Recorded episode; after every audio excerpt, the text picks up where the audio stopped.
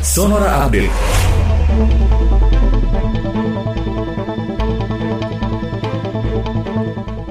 Sahabat Sonora, Wakil Ketua DPR RI Sufmi Dasko Ahmad mengatakan pihaknya tidak mau berpolemik soal bursa calon Panglima TNI pengganti Marsikal Hadi Cahyanto.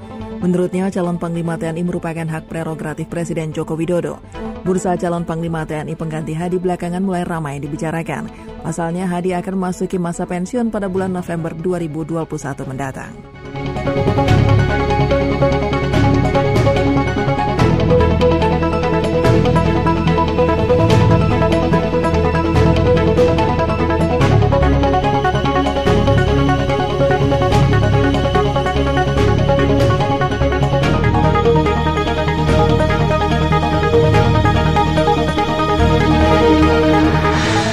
Koordinator Proyek Manajemen Office Komunikasi Publik Komite Penanganan COVID-19 dan Pemulihan Ekonomi Nasional Arya Sinulingga meminta masyarakat untuk kembali memperketat penerapan protokol kesehatan.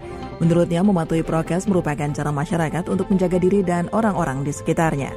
Ia pun berharap pemerintah daerah dan pihak terkait lain bisa kembali menegakkan penerapan prokes di wilayahnya masing-masing.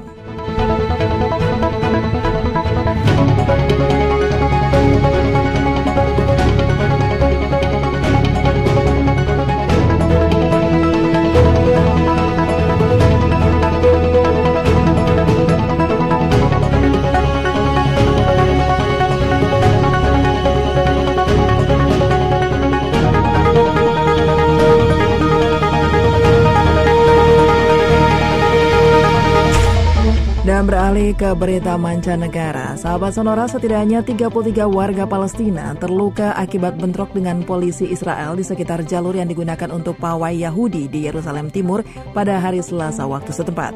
Kantor berita AFP melaporkan bentrokan itu terjadi ketika polisi Israel berupaya mengusir warga Palestina dari jalur pawai Yahudi agar tidak memicu gesekan.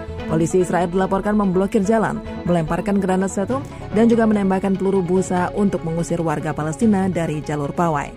Kepolisian Israel memang sudah sempat melarang pawai Yahudi ini pada pekan lalu karena rencana rute arak-arakan yang dikhawatirkan dapat memicu bentrok dengan warga Palestina.